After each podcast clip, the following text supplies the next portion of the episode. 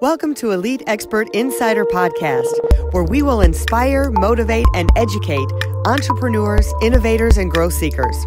Brought to you by Elite Online Publishing, making the best and brightest in the industry number one best selling authors. 80% of people say they want to write a book. We're assuming that's the same for you. If so, contact us at www.eliteonlinepublishing.com and make your book a reality. It's Melanie Johnson here for another great podcast. Thanks for joining us. Remember to subscribe to our podcast because we always have really cool guests. You're going to learn, get motivated, get inspired, have better health all of that when you listen or watch our podcast. So I want to tell you about our new planners that are coming out, the Elite Planner. Make sure you get them on Amazon. They're a daily planner. They'll help you reach your goals, get motivated, and accomplish more. So check them out, Elite Daily Planners on Amazon. So, all right, I don't know if you're like me, but I, I love LinkedIn, but I kind of hate LinkedIn because I always feel like there's a better way to do it. And our guest today, uh, Michael Devellano, I reached out to him and because he noticed I was sending some LinkedIn messages and he's like, Well, how are you doing it? I'm like, manually. I'm typing each message individually. He's like, duh, why are you doing that? You know, it's like, yeah, it's like you're walking instead of driving a car. So he is going to tell us some really cool ways how you can maximize the use of your LinkedIn. So, Michael, welcome. Thanks for coming today. No problem. I'm always excited to talk to you guys. Great. Well, t- start us off with where you're from and how you got into LinkedIn and all of the things that you're doing right now with marketing. Um, well, so I live in Newport Beach, California. I'm originally from Canada, in case you didn't notice. And then I guess the way I fell into LinkedIn was, um, you know, my I wrote a book last year called Automate and Grow, and a lot of my business is helping businesses automate marketing, sales, and customer support. And what I was noticing when I was going out with the book was a lot of people weren't ready for me. So they were not ready to create a traffic and conversion plan. They weren't ready for a sales uh, playbook or a customer success roadmap, and then technology underneath it because they didn't even have lead generation under control. And I was meeting a lot of people through LinkedIn. We had developed a process on LinkedIn for our own business that proved pretty effective. And so what was happening was uh, people were saying, "Hey, can you do that for me?" So I kind of made the decision like we should productize this and make it simple. Um, if you've ever had a business and you tried to hire a salesperson, really challenging. And you know, the world's changed, so we have a lot of old ideas around sales. So what I thought was, you know, I want to take this off your plate. I want to make it so that you at least have discussions that are happening every day with people that are in your ideal client profile. And I was doing it for ourselves, so and then we started doing it for clients, basically as a done for you service. I love it. So tell us how it works exactly. Give us the nuts and bolts of how this works. How do I start? What, what does it do? And why do I care? Sounds good. Um, so I, I think it works for anyone whose customer is on LinkedIn in any sort of volume. And what we what we try to look for is like I've seen software companies, real estate companies, nonprofits. You can go across a bunch of different boards, agencies. Um, if we're able to do a you know a search the way we do initially to find any sort of volume of your ideal client, then we know this is probably going to work for you. And then what so that what we're really doing is first of all is we're going to get really targeted. We got to get really specific around who your ideal client is. And that can be geography, that can be industry, company size, and then you think of the contacts at those companies that you want to talk to so it can be like their role in the organization, like their function, whether it's marketing, sales, HR, you pick, and then the seniority even. So if we want to get real detailed about that. So that's the most important thing to start. The second part of it then is really once we've verified that there's any sort of volume on LinkedIn of those, we want to come up with the right messaging to get a response from them. And I think this is where um, a lot of people fall down really quick, where they're they're sending these like really jargony, long-winded self-promoting messages and mm-hmm. in the end we don't want to have we don't want to sell through linkedin. What we want to do is we want to get a response from someone. We want them to you know kind of verify they're a real person and they respond on linkedin and that maybe that it's worth having a conversation. So we, we craft messages in one of two ways. Uh, one you know if, if we want to go a little slower and we're worried about rapport building and we don't want to get into here's the value I offer, would it be worthwhile talking? Um, then we'll do things like invite people to an event. Uh, an event can be like a webinar. I find webinars are really tough to get opt into these days. So maybe a live event. Uh, we've seen people where they're promoting like a training or they're promoting like a meetup type event. Uh, the other thing that's really effective is, um, you know, if you have any sort of book or an ebook and you want to promote it that way, that's an effective way to get a response from people. Give them something they can't buy, right? And not your product. Um, the other way that's effective, that's also rapport building, can be invite them to a podcast. So whether you have a podcast or not, it's a, a fantastic way to go to your target audience and get them to respond because now you're giving them exposure. So we've seen that be very effective. Uh, have you used groups on LinkedIn? A little bit. I don't really know how to utilize groups. Tell us a little bit about more about groups because I know I've subscribed to some and I get the emails, but I don't always yeah. read the emails and I don't really know how to use it. So anyone can create a group on LinkedIn. Uh, what we suggest is that it's a it's a, actually a very effective way to create a group around a specific topic, and the topic or the audience might be your ideal client. So, for example, let's say I'm targeting directors of marketing in the entertainment industry in Los Angeles. I would create a group around that, and there's obviously discussions and problems that are happening in that you know sector so by me creating a group on LinkedIn and then inviting people that fit that profile to the group, it's a very uh, low key way to get people involved and open up communication. And you can talk about the sort of problems that they have and then the problems that you solve. So that uh, the nice thing about LinkedIn groups, unlike for example Facebook groups, Facebook groups. Let's say I had ten thousand people in my Facebook group and I post a message, not everybody sees it. Mm-hmm. So the the only way that they do see it is if I then create an ad set to target my own group, right? So you can mon, you know, Facebook's monetized it. LinkedIn, by contrast, if you subscribe to a group and I post a message or I post a video, they're going to get it. So everybody in that group's going to get it. So the it's basically 100% reach. So it's actually really effective. Um, so you know, inviting people to a group can be a very good way to start opening discussion. The second way that we'll create messaging, though, aside from a slower kind of rapport building way, is actually uh, to be very direct and uh, you know, just be very concise. And we usually send an invite with a message and then a follow up to reinforce that message. And the way we structure that is we a lot of times we'll just ask a question. We'll make some sort of rapport building statement. And a, you know, so you actually goes in reverse. It's like, you know, we'll create like a warm opening. It's like, hey, how are you doing today? Mm-hmm. Ask them a question, um, I'm curious if you've ever thought about writing a book. And then the, the qualifying of that is uh, I work with authors in your space, and I thought maybe if you were, that we should talk. That, that message is usually limited to about 300 characters, so you want to be really concise and direct. And it's not really self promotional, but it's alluding to what the value you could bring to them is. Right. Mm-hmm. The follow up message to that, which is a welcome message, can be a little longer. You want to avoid, though, a couple traps. One, you know, you don't want really jargony marketing speak in your message. You don't want to be super self promotional. You don't want like salesy benefit statements. So what you want to do is just have a conversation. So you're kind of like, you know, it's almost like quid pro quo. It's like if I ask you a question, you give me an answer, and then we can talk about the situation. That's what we're going for. Mm-hmm. And that, that's been the most effective because then what happens is you're going to get a response. So you probably have three buckets then. The first bucket are the people that say, yeah, let's talk. And those are your immediate hot prospects, right? So the idea is that, you know, you're going to get on a call or you're going to get on a demo, whatever, you know, you're reaching out to them around. And those are the, you know, obvious ones. And my experience is um, you're probably going to get anywhere from 10 to 30 of those a month from one profile. And the reason is because it becomes a funnel. That's why we actually productized our product uh, called linked funnels. Mm-hmm. It's like I'm capped at inviting 100 people a day on LinkedIn. So I can send up to 100 invitations. 101st one, LinkedIn requires me to drop their email address in. So it doesn't become very scalable.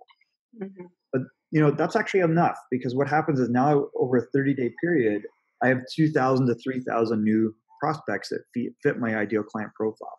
Right. And I think what you said there at the end is key because I know a lot of people don't know how to use LinkedIn and they just add everybody. And it's like, well, right. what? Why did you add that person? You don't even know that person, or they're not even. They're like work down the street from you, like they're not in your industry, right. or would be a client. So I think that what you said, the last part is you know targeting those asking those 100 people that is your ideal client right is key because just r- randomly adding 100 people so you can say you have 10,000 people on LinkedIn does Mm-hmm. nothing for your business. So what we actually do is um, there's three ways that LinkedIn productize themselves. One, uh, have you ever been prompted to upgrade to premium on LinkedIn? all the time. Don't do it. if you've ever used the Get search on LinkedIn, you know it's terrible. So if I put in criteria on standard LinkedIn, the search is horrible, and they cap you at 25 searches, right, Mhm. per day, I think. And then they go, "Oh, go to premium, you can do more." But then you're just doing more of that junky search. The second way they productize themselves is around talent solutions. So people that are looking for people that want to fill jobs or roles and based upon their skill set. And so that's another product category, but that's typically for recruiters and HR. The third way they productize themselves is called something called Sales Navigator. And that's where the real opportunity is. There's a lot of features in that. One is the ability to send InMails. So, in other words, yeah, I can send a message to someone that's a second or a third degree connection, not first. Don't use them. Mhm. We don't use them at all. I find those are super spammy. If you've if you have not agreed to connect with me, I am not going to just bash through with an InMail and give you a message. Right. So I'm telling so ignore that feature. The feature we care about in Sales Navigator is the advanced sales specific search. And what that does is that gives us this grid where I can create my ideal client profile and then I can do a search with that criteria and I can save it. And that's the funnel. So the way you get really targeted is you use Sales Navigator. I think you get 30 days free your first, you know, 30 days and after that it's like 88 bucks a month but it's totally worth it if you have a process where you're going in every day and sending 100 messages and then you're sending 100 follow-up messages. And that's that's what we do. So you know essentially the way we productize it is you know we'll send you a little questionnaire we'll do a kickoff call and then we'll come up with that ideal client profile and we usually do one to three funnels. And then we're doing a takeover of someone's linkedin so we'll upgrade their profile and they'll upgrade their business profile and the reason is when I invite you to connect with me, what's the first thing you're doing? Look at your business, look at what they do, look at their credibility and their Right. You're going to check me out. So it has to quickly convey what value you'd have for me to add, you know, for you to add me back. So that's Right. the first important thing. And then all we're doing once we get all that stuff under control, we create the messaging, we create the funnel. We're just systematically then going in and we're sending out those 100 every day and then we're sending out 100 follow up every second day to those first those people. Awesome. You- So you automate this for people. You do this for clients all over the country. Exactly. It's a done for you service. Awesome. So the Um, thing that they have to do, I think the um, like I love that. It's hands off. You're going to create the messaging, the follow up messaging, till it gets to the point where they need to connect with this client and sell them something and have the one on one conversation. I would imagine because they're not going to just buy something from you through a, a bunch of LinkedIn messages. Right. So you have to have that um, procedure in place. Do you help them to say, okay, you're going to get all these new leads. Now here's the procedure you need to follow up with those afterwards. Yep. Um, Look at their call because otherwise they get all these new leads, and then, like I said, the other businesses they're not ready. so, and you and I were at a, a seminar, and the guy said, I-, "I bought this new system, and I got all these leads, but now I'm overwhelmed. I don't know what to do with them. I can't keep up with them all." it was Patrick, actually. I think was that Patrick Yeah. Said that. That's I funny.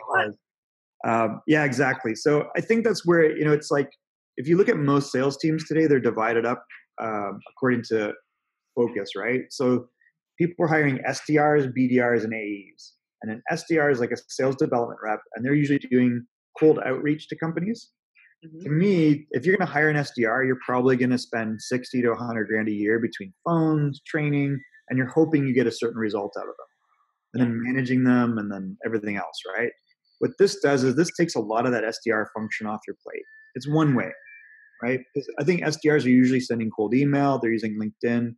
They might be making phone calls, but the reality of cold calling, um, I don't know if you know the stats on this, but in 2006, it took 3.6 phone calls to get someone live in business, and now it's 8.2. Wow. And they don't, they're angry you called. Right. They're like, That's because they're in the middle of grocery shopping or something. You know, with cell phones, people are everywhere. oh my God. It's like, why are you calling me? Who are you? I don't care.